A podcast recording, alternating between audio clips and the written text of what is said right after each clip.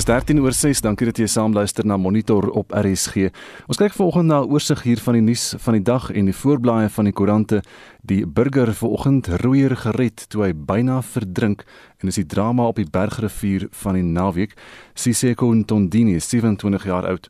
Hy het ternouernood ontkom nadat hy Sondag in die vierde skof sy bewussyn verloor en uit sy kanoe uitgeval het en uh, vyf mense het hom daar gehelp. Um, en Luke Swinney, die 18-jarige van die Oos-Kaap of van Oos-London, het in die water gespring om Tondini te red. Hulle was skaars 10 km in die laaste skof in toe dit nou gebeur het. En is dan die storie van die drama op die Bergrivier op die voorblad van die Burger vanoggend. Die voorblad van Beeld en al die ander koerante ook natuurlik glorie, maar geen geld. Tatjana en Bianca moet hierdie boodskap hoor en dit is dan nou na hulle terugkeer van die Olimpiese spele. Die kontante droog al in 2020 op, sê Saskok, die beheerliggaam van die Olimpiese spanne en die Olimpiese sport konfederasie. Hy sê dit is nie genoeg geld om die land se twee Olimpiese medaljewenners te beloon nie en daarom sal Barry Hendricks, die president van SASKOK, bakkant by ander belanghebbendes in Suid-Afrikaanse sport moet gaan staan vir so 'n geldelike meevaller vir Tatjana Skoenmaker, Bianca Buitendag en ook die suksesverhale by die Paralimpiese spele wat nog moet kom. 'n Ander voorblad berig op beeld vandag fietsryer oefen vir Eysterman toe kar hom tref en ver sleep en dit is die 23-jarige Maxwell Deploy. Hy was in 'n groep van 11 fietsryers, hulle het gery op die R102 op die uh, noordkus van KwaZulu-Natal vanaf Ballito na die lughawe en 'n motor het eenvoudig lyk like my in die fietsryers ingery. Dit is daar in die omgewing van Tongaat in KwaZulu-Natal. Hulle moes hom onder die wrak van die motor uitkry en dis die storie dan uh, sy pa word hier aangehaal, Mark Deploy, praat oor sy seun uh, Maxwell wat hy sê geleef het vir hierdie Eysterman kompetisie. Die voorblad van Volksblad vanmôre, die digitale voorblad van Volksblad het hier 'n berig oor COVID-19 en ehm um, dit, dit, dit sê dan die COVID-19 eis die leierboer van die Vrystaat en dit is ehm, 'n um, bekende in die Vrystaatse landboukringe, Koos Pinaar. Hy was 72 jaar oud, stadsraadslid en leierboer van Tennyson. Hy was baie jare lank die voorsitter van die nasionale melkprodusente organisasie en ook Melk SA en hy het sy stryd teen COVID-19 verloor in die Universiteitshospitaal uh, in die stad. Hy haal hier vir Pieter Moller aan die uh, uh voormalige hoofbestuurder van Vrystaat Landbou wat dan praat hier oor Koos Pinaar wat sy stryd teen COVID verloor het. Die voorblad van Business Day vandag, Godongwana moet die ANC saam met hom bring op die pad na hervorming. Zuma meld siek aan vir Dinsdag se hofverskyning dis vandag en internasionale nuus op bbc.com uh die groot die naderdraai dan van die klimaatsverandering verslag van die VN ehm um, die lande wat die meeste die grootste risiko loop sê hulle staar uh, klimaatuitwissing in die gesig. En dit is dan nou na hierdie ernstige waarskuwing van die VN paneel waaroor ons ook vanoggend later gaan gesels hier op monitor. En intussen het die Griekse eerste minister om verskoning gevra vir die katastrofe daar met al die brande in Griekeland. En Joe Biden het 'n plan om rasisme te takel met paaie en dit gaan oor sy infrastruktuurplan. En dit is net so vinnige oorsig dan oor vanoggend se nuus 'n Nuwe verslag deur die VN se interregeringspaneel oor klimaatsverandering het bevind dat aardverwarmer verwarming vinniger plaasvind as wat aanvanklik gedink is. Nou hierdie tendens het ernstige implikasies vir onder meer die landbou, die ekonomie en die natuur. Dis waarskynlik ook al te laat om die tendens te keer. Nou ons gaan deurlopend in monitor daaroor praat vanoggend en ons wil vanoggend by jou weet, hoe ervaar jy uiterste weeromstandighede soos byvoorbeeld wat in die noordelike halfrond nou gebeur? Hoe sal jy daarop reageer? Om deel te neem aan die gesprek, stuur vir ons 'n SMS na 45889. Dit kos R1.50 of gaan na facebook.com vorentoe skynstreep ZRSG of WhatsApp vir ons stemnota na 076 536 6961 076 536 6961 Dis nou 17 minute oor 6 vroegoggend saam met Monitor op RSG nou 'n plaasaanval naby Harry Smit in die Vrystaat waarin 5 lede van 'n gesin dood is, het skokgolwe deur die plattelandse gemeenskap daar gestuur. Die DA in die provinsie sê hulle plaas groot druk op die polisie om hulle verhouding met die gemeenskap te bevorder. En ons praat vanoggend met 'n lid van die Vrystaatse wetgewer, Leona Kleinhans. Leona, goeiemôre. Goeiemôre Gustaf. Kan jy vir ons verduidelik wat presies het daar gebeur? Ons verstaan dit was op die plaas Toekoms.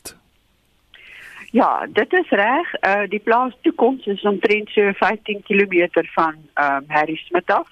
Dit is op die N3 en dit is ook teenoor 'n tradisionele area. So ehm um, die motief is nog baie onduidelik. Ons weet dat meneer John Twala, sy vrou, uh twee tienerseuns en 'n 6-jarige dogtertjie wreed vermoor is met messe.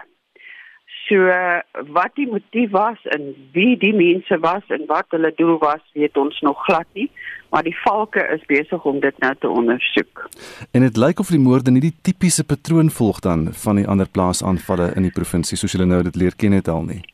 Ja, dit uh, dit lyk nie asof dit verband hou met vee diefstal of die eienaar en sy vrou woon ook nie op die plaas nie, hulle woon op die dorp.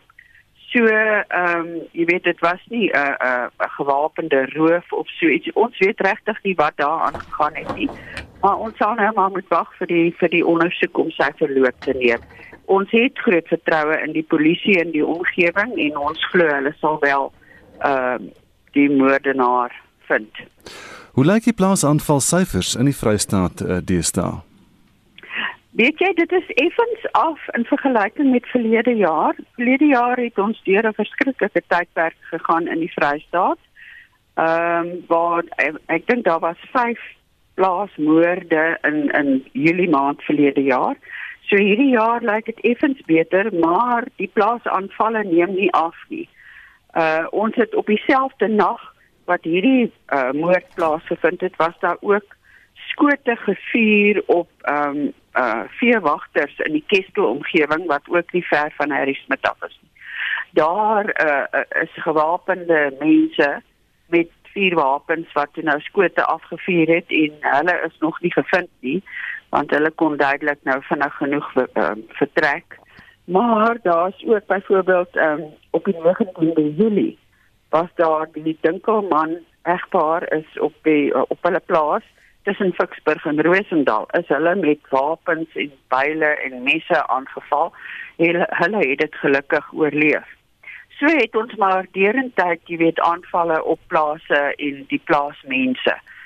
So ehm um, dit lyk asof die kriminele nou meer desperaat word en wat baie be bekommerenswaardig is, die feit dat hulle ook gewapen is deesdae. Die DA het in die verlede 'n moniteringsinisiatief begin om misdaadsake te volg. Hoe sal dit dan nou in hierdie geval kan werk?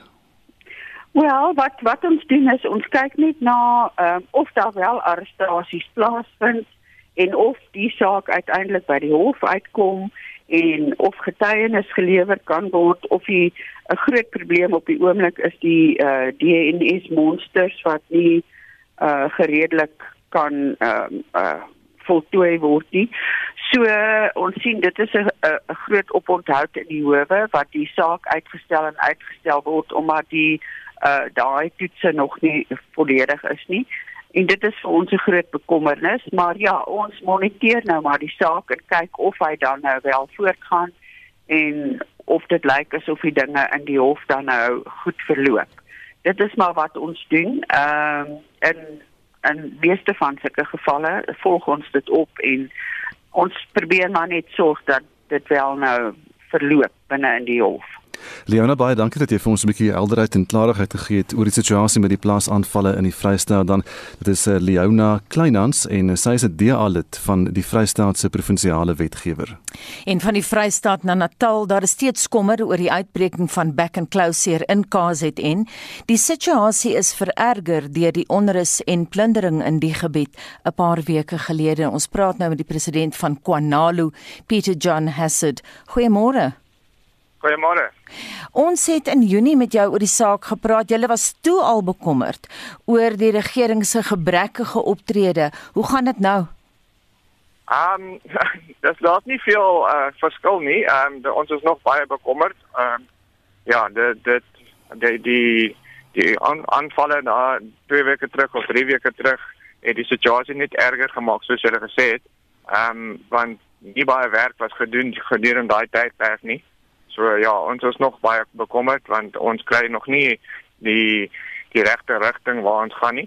Ehm um, ja, so dit is nog baie bekommerd in in ons area. Praat julle met die regering daaroor? Ja, ons ons doen. I mean ons het elke elke donderdag 'n uh, um, vergadering met hulle en ons ons sit in 'n job vergadering met hulle en ons probeer ehm um, uh, verskillende goed vir hulle vra en en sê, maar die dit is baie baie stadige proses. Sê vir my Pieter John, het jy enige idee van hoeveel gevalle daar is?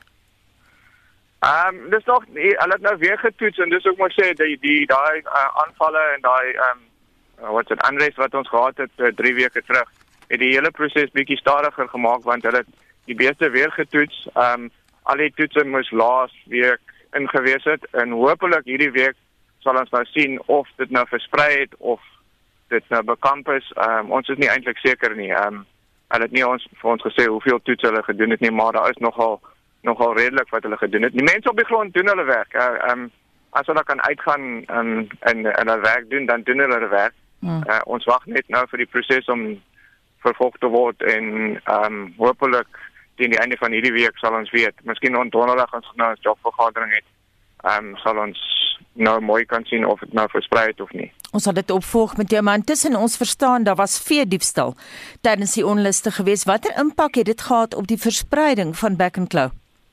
Ja, dis dis 'n groot groot ehm um, risiko wat ons ehm um, daar's ook beeste wat geskuif is gedurende daai tydperk.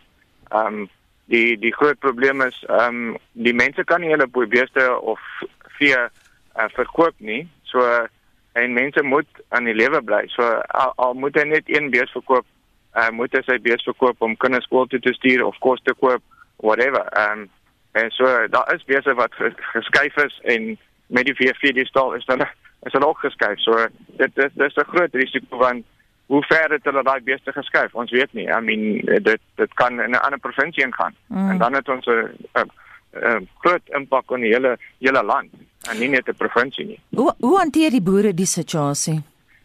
Nee, die boere is op die oomblik is hulle nog ehm um, wag hulle nog en hulle hulle doen wat hulle moet doen, maar dit raak nou 'n uh, bietjie lank en die boere raak nou bietjie angstig want soos in my voorbeeld uh vir my as 'n voorbeeld moet ek eers verkoop um om goed te betaal en bulle te koop um vir die aanteelseisoen.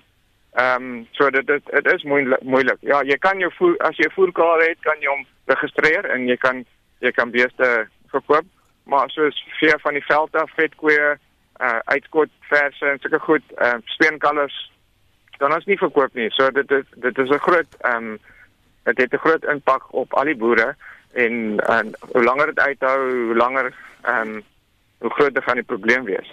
Pieter John, hoe vergelyk die huidige uitbreking van back and claw met vorige uitbrekings in terme van omvang? Ehm um, nee, de, oh, ek het nou teruggegaan na die laaste een in ons area. Ehm um, dit het bes baie vinniger gehanteer. Ehm um, so ons kon vinniger begin tussen mekaar verkoop en koop. So ehm um, dit het, dit het baie gehelp. Op die oomblik kan ons niks doen nie. Ehm um, ek kan nie eens beeste van my een plaas my ander plaas toe skuif wat 10 km weg is nie. Ehm um, dit dis die groot frustrasie. Nou sit ek met 400 speenkalvers op 'n plaas waar my my teeldiere het en hulle eet al die gras nou, maar die ander plaas het gras, maar kan hulle nie skuif nie. Ek het nou toestemming gevra, maar dit was 2 weke terug en ek nog steeds nie antwoord gekry nie. En hoe raak dit alles die vleisbedryf? Ehm um, ja, da omdat ons daar's twee voer, groot voerkrale wat ehm um, nou in kwarantyne is, is dit 'n groot ehm um, probleem want daai daai mense kan nie hulle beeste verkoop nie. Hulle sit nou ek dink die laaste ehm um, wel veel daar was omtrent 50000 beeste in daai twee voerkrale en en hulle kan nie daai beeste verkoop nie. So hulle moet vleis inkry van ander plekke af. Ehm um, die kleiner voerkrale obviously wat wat nie nie bespek is nie, maar dis nie dis nie genoeg vleis vir ons alre nie. Dis so ekonomies en is is 'n groot gaan 'n groot impak in ons provinsie hê. Baie dankie en so waarskynlik die president van die landbou en die KwaNalu Peter John Hazard. Soos wat Gustaf vroeër gesê het, praat ons eh, 'n bietjie later oor die VN se interregeringspaneel oor klimaatsverandering, die groot nuus hierdie week en intussen het ons vir jou gevra, hoe raak dit jou en wat dink jy daarvan? Marlenae, wat sê luisteraars?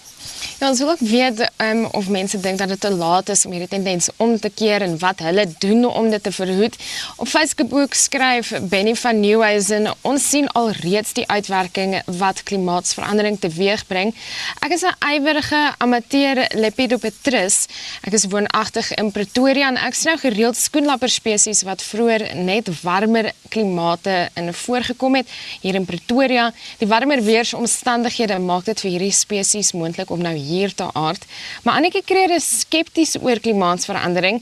Sy skryf: "Miskien moet ons net kyk wie finansiëel die meeste gaan baat vind by hierdie bangmaak storie." En dan skryf Jock Kypie niemand ook op Facebook: "Ons is en bly maar net mense en sal aanploeter op die manier wat ons die afgelope 100 jaar gedoen het." Totdat dit te laat is. Die mens verander nie sommer net vir sommer nie. Die mens moet eers voel, die mens moet eers ervaar, die mens moet eers swaar kry en dan verander die mens. Waarskynlik is enige verandering too little too late en dit gaan ons nie raak nie, maar ons kinders en beslis ons kleinkinders.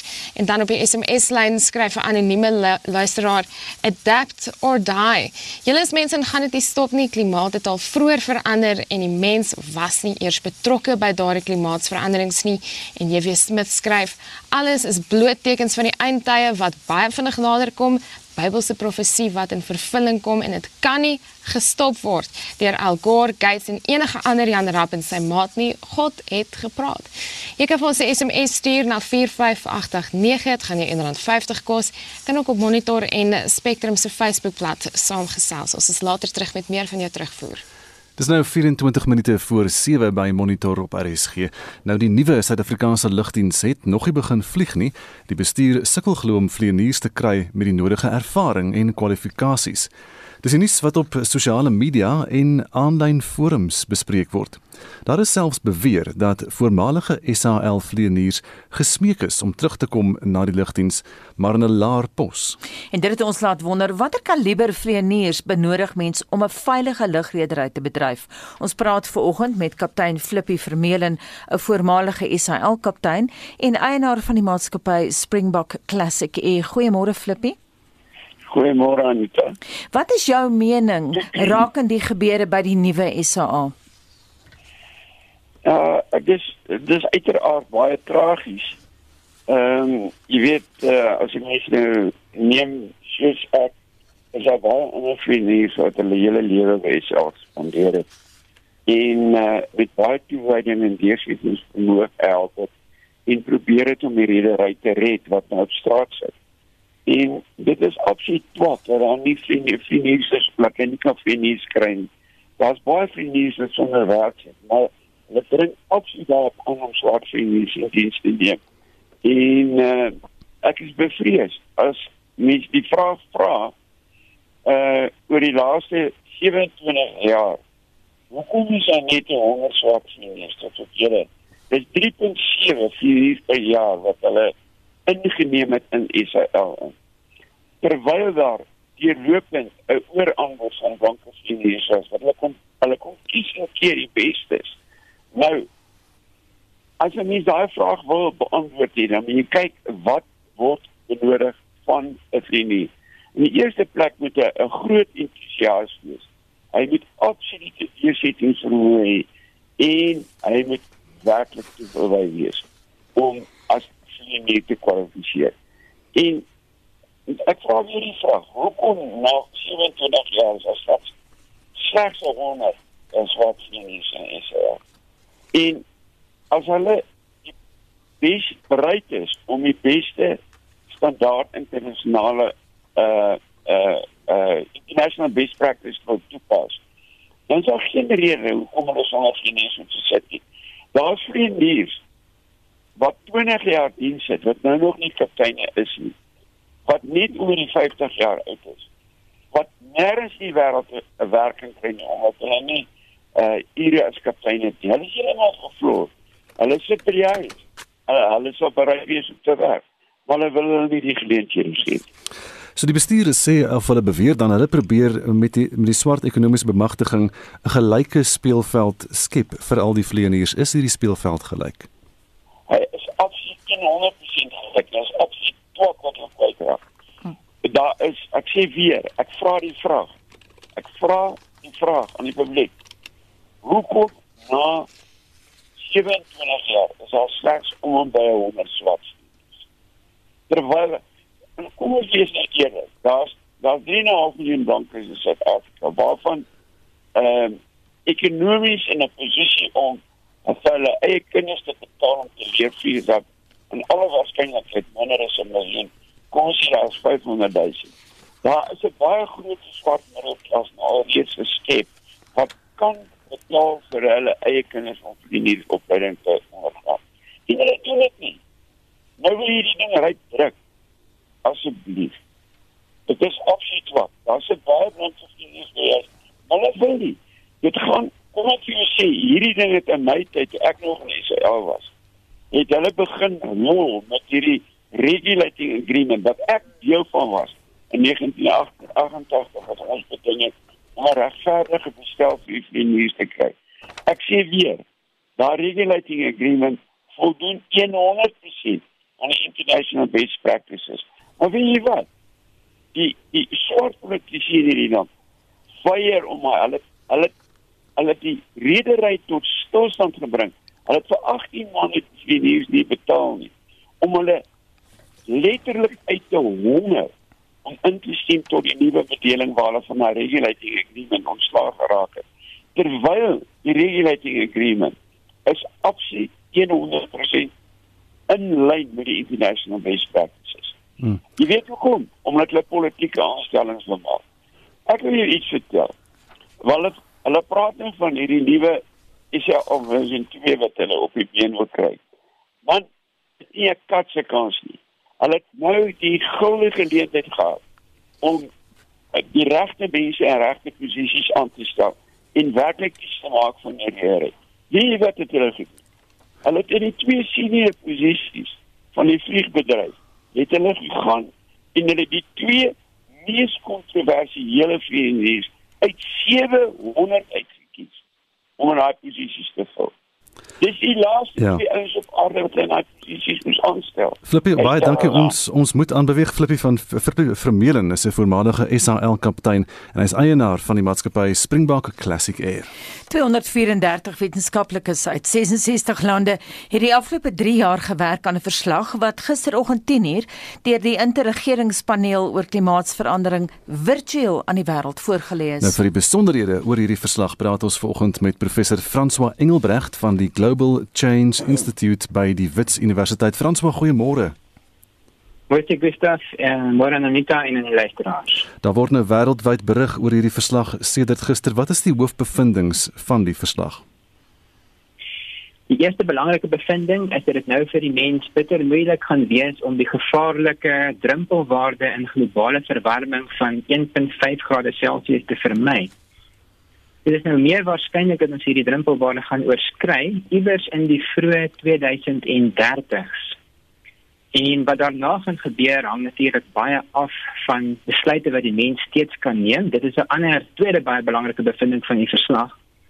Die mate van globale verwarming wat ons gaan ervaar in die volgende paar dekades wat ons in ons eie lewens gaan raak en dan dieper in die 21ste eeu in, dit is nog steeds in die mens se hande.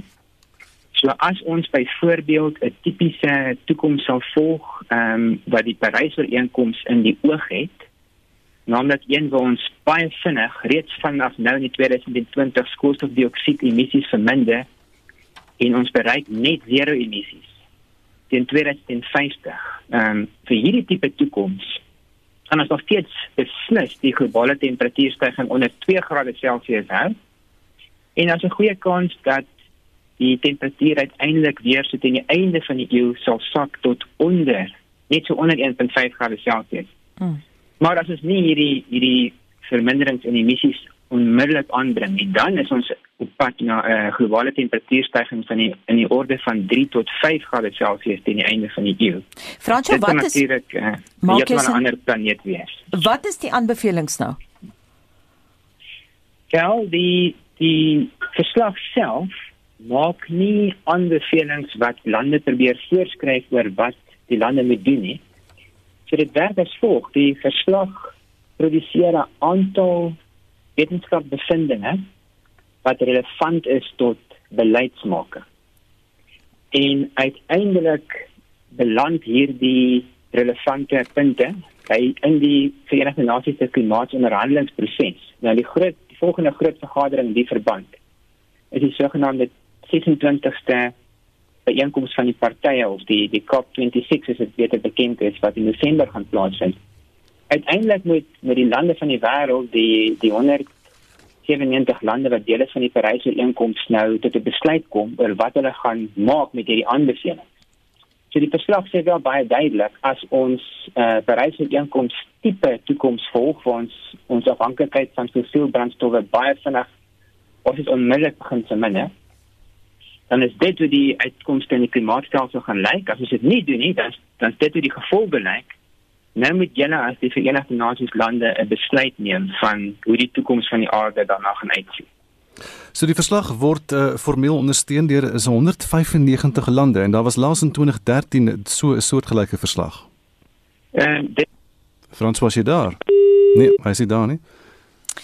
Nou ja, ons gaan intussen uh, na 'n ander storie toe. Die sekretaris-generaal van die Good Party, Brett Herron, het verlede week plofbare bewyse, soos wat hy dit stel, aan die Fokus se eenheid vir misdade teen die staat oorhandig. Herron sê die bewyse verbind 26 individue direk met die onluste in KZN en Gauteng. Daar word geraam dat die wetteloosheid Suid-Afrika se bruto binnelandse produk met sowat 50 miljard rand kon ver verminder het.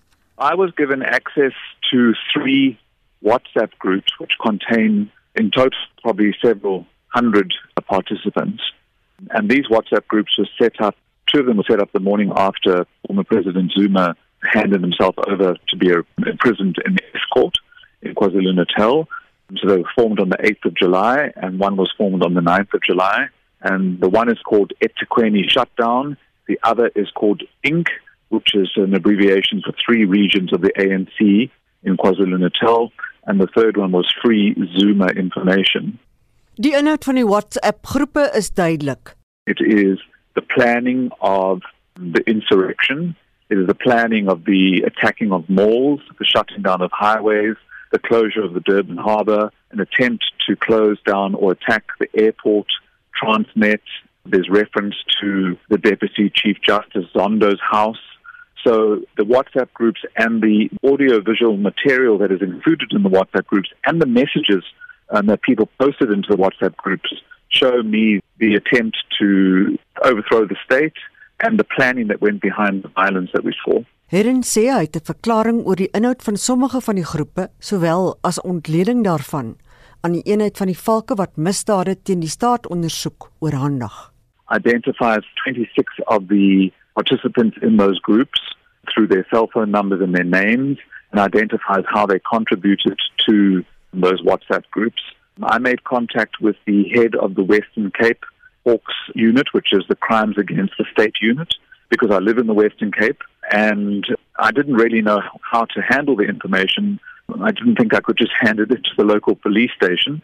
So I called the head of the Crimes Against State unit and they collected the statement from me and a USB stick on which I put all the audio visual material. And that has now been transported to KwaZulu Natal, to Durban, where there's a task team that is investigating. Die vraag is wat verwag met die getuienis gaan gebeur. I received some information that some arrests have already been made or some people have already been brought in for questioning. The head of the Crimes Against the State unit in the Western Cape's response was very, very rapid. I mean, I called him and said, I have this information. I've set out a statement. I put all the evidence on a USB stick. Would he like the information? What should I do with it? And he said, I'm coming within an hour. And he came to my office. We sent staff to my offices to collect it within an hour. It was within half an hour. And then he said the stuff is on its way to Durban. And the very next day, I got a call from the prosecuting authority to say that they had seen copies of my statement floating around and they were very interested in it. Brett Herren is die sekretaris-generaal van die Good Party. Mitsi van der Merwe, SAK nuus. Dis nou so 'n omgewing van 11 eh, minute voor 7 en ons gaan voort met ons gesprek oor klimaatsverandering. Hierdie groot verslag wat dan nou gister deur die VN uitgebring is en François Engelbrecht is terug op die lyn. Môre François. Môre weer eens gestaan. Ek is bly ons kan met jou gesels. Ons het laas gevra oor die verslag wat nou formeel ondersteun word deur 195 lande. Sou mens kon sê die lande is op dieselfde bladsy? Dit is 'n merkwaardige proses so so verslag uiteindelik aanvaar word deur al die al die verskillende lande van die Verenigde Nasies proses. So dat 195 van hulle wat deel is van die proses rondom die interregeringspaneel oor klimaatsveranderingsprosesse. So hoe dit werk is, die wetenskaplikes skryf die verslag en hulle kom voor 'n dag met 'n voorgestelde reeks punte wat relevant is tot beleid. En dit was daar twee week lange proses wat die verskillende lande van die wêreld nou met mekaar onderhandel het oor hoe presies hierdie punte geformuleer moet word. Die wetenskaplike se taak is dan dat hierdie formulasie van beleidspunte steeds versoenbaar is met die onderliggende wetenskap van die van die verslag. Dit is baie interessant om om te kyk hoe so 'n onderhandelingsproses werk. Aan die een kant is daar natuurlik lande soos die VSA en Indië Saudi-Arabië en Suid-Afrika, lande wat nog baie sterk belange het in steenkool en olie. Aan die ander kant is daar lande wat ontsettend sterk geraak word deur klimaatsverandering, soos dink man aan die klein eilandstate soos St. Kitts byvoorbeeld. Lande soos Mosambiek en Tanzanië wat ongelooflik kwesbaar is vir die impakte van klimaatsverandering. En uiteindelik het hierdie lande gedurende 'n baie intense 2 weke proses, 2 week lange proses tot 'n vergelyk gekom oor wat presies die die formulasie van die beleidspunte moet wees.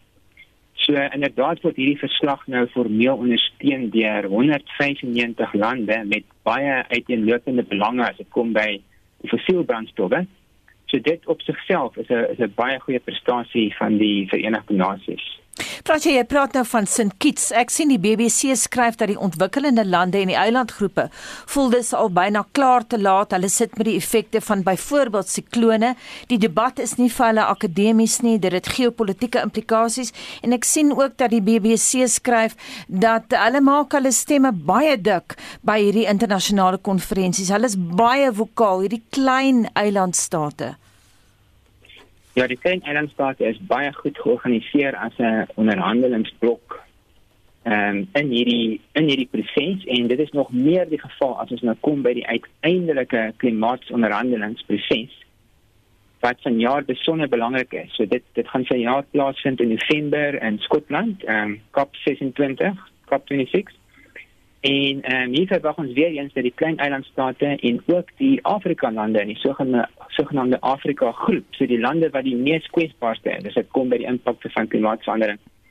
Nou, hulle stemme weer eens baie dik gaan maak. So die Afrika groep is ook gewoonlik baie georganiseer by hierdie onderhandelings.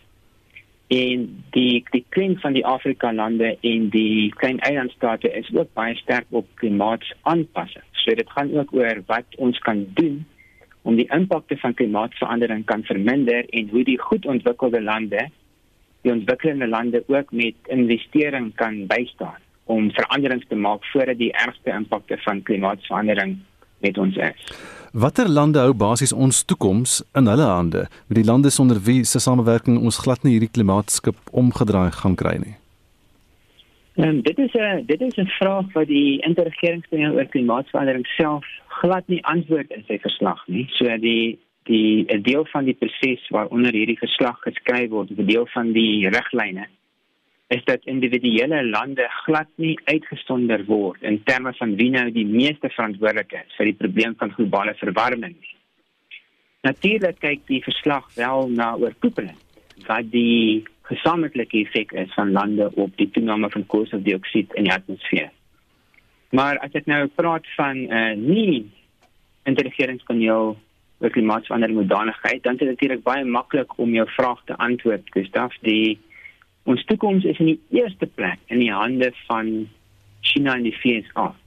Tussen hierdie twee lande kyk ons nog steeds na byna 45% van die wêreld se koolstofdioksied emissies. So as die twee supermoondhede nie emissies drasties gaan verminder nie, dan sal ons nie hierdie gevaarlike drempel drempelwaarde van klimaatsverandering kan vermy nie.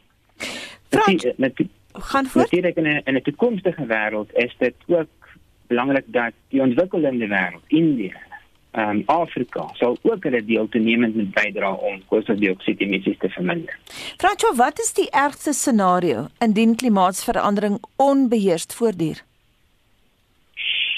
Wel, die verslag kyk ook in baie diepte hierna en hierdie vraag om dit te antwoord moet mens begin kyk na seevlakstygings. Daar is 'n gevaar dat as die wêreld se temperatuur sou styg tot iewers bo 1.5 grade Celsius, dan is daar alreeds 'n gevaar dat die wegsmelt van die Groenland en die Wes-Antarktiese ysplate op 'n onomkeerbare manier begin kan word. Nou, hierdie twee ysplate sal letterlik duisende jare neem om heeltemal weg te smelt. Maar ons geslag kan daardie proses op 'n onomkeerbare manier begin. As die groot ysplaat dinamika van smelting eers in werking is, is daar geen tegnologie wat die mense dit wat dit kan omkeer nie.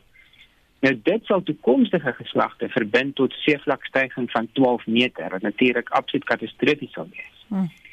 Nou die verslag wys uit dat as hierdie proses sou begin in ons eie lewenstyd, dan is daar 'n kans. Dit is 'n baie skraal kans.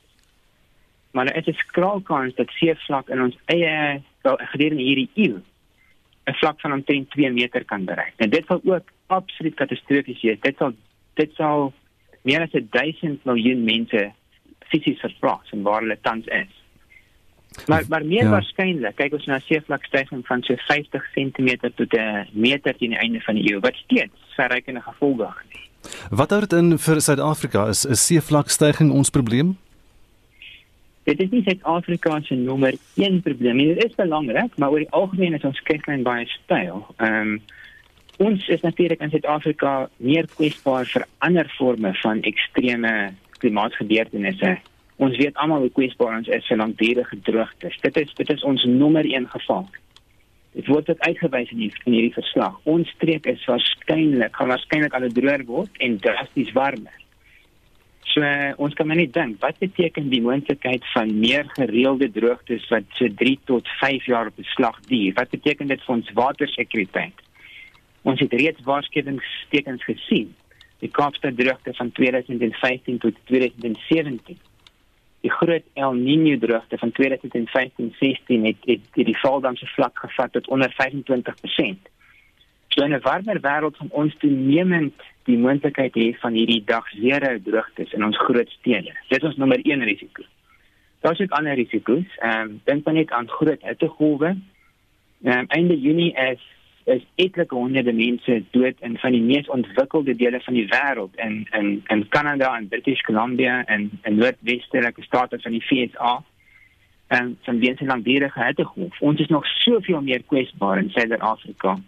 As ons dink aan aan mense wat woon in informele behuising, daar's geen ligverkoeling nie. Daar's nie altyd koel cool water naby nie. Hittegolwe is 'n ongelooflike groot gevaar in Suid-Afrika. En dan natuurlik is daar die tropiese siklone. Die verslag bevind baie duidelik dat die aantal intense tropiese siklone, dit is die kategorie 4 of 5 orkane soos die Amerikaners dit noem. Hierdie tipe tropiese siklone het al reeds toegeneem wêreldwyd. Vraag baie um, kortliks 'n laaste vraag. Sou die post-COVID lewenspatroon ons nie help nie? Ek dink daar was baie groot verwagting dat die mens iets sal leer uit die pandemie. Ek dink die toets daarvan gaan wees in November. As ons 'n nuwe pak sien, 'n nuwe ooreenkoms oor klimaatsverandering waar al hierdie groot geïndustrialiseerde lande van die noordelike halfrond uiteindelik saam staan en 'n verbintenis maak om kweekhuisgas emissies te verminder met omtrent 50% in 2030, dan sal dit 'n teken wees van 'n nuwe internasionale samehorigheidsgevoel en aksie. As dit nie gebeur nie, dan beteken dit ons gaan waarskynlik maar doen wat ons nog altyd gedoen het en ons gaan toenemend met saamleef met gevaarlike klimaatsverandering waarvan die tekens natuurlik al reeds oral rondom ons is. Baie dankie en daai waarskuwing kom van professor François Engelbrecht van die Global Change Institute by Wits Universiteit in Johannesburg. SMS terugvoer Marlene. Rensha Maslow Maasdorp skryf volgens Al Gore in 2000 moes die meeste van die wêreld se kusstede al in 2016 onder water gewees het. Dis dieselfde storie oor en oor. Wynand Kreur skryf op Facebook: "Die mense is sy eie grootste vyand. Die liewe Vader het die mense op aarde gesit om dit op te pas en wat doen ons? Trek deur ons agterend. Ons moenie huil nie. Ons kry wat ons verdien." En dan laat weet Johan uit Bloemfontein: "Ja, ja, klimaatsverandering is 'n realiteit, maar jy oorskat die rol van die mens. Die kragte van die natuur het 'n baie groter effek en niks wat die mens doen kan dit keer nie. Ons sal moet aanpas soos ons al vir honderde, duisende jare doen. Ons praat nou-nou weer om te hoor wat jy dink van aardverwarming en die impak daarvan op die mens. 'n SMS gaan jou R1.50 kos. Kan ook saamgesels op ons Facebookblad Monitor en Spectrum vorentoe skynstreep ZRSG. En dit bring ons by die 7 nuus.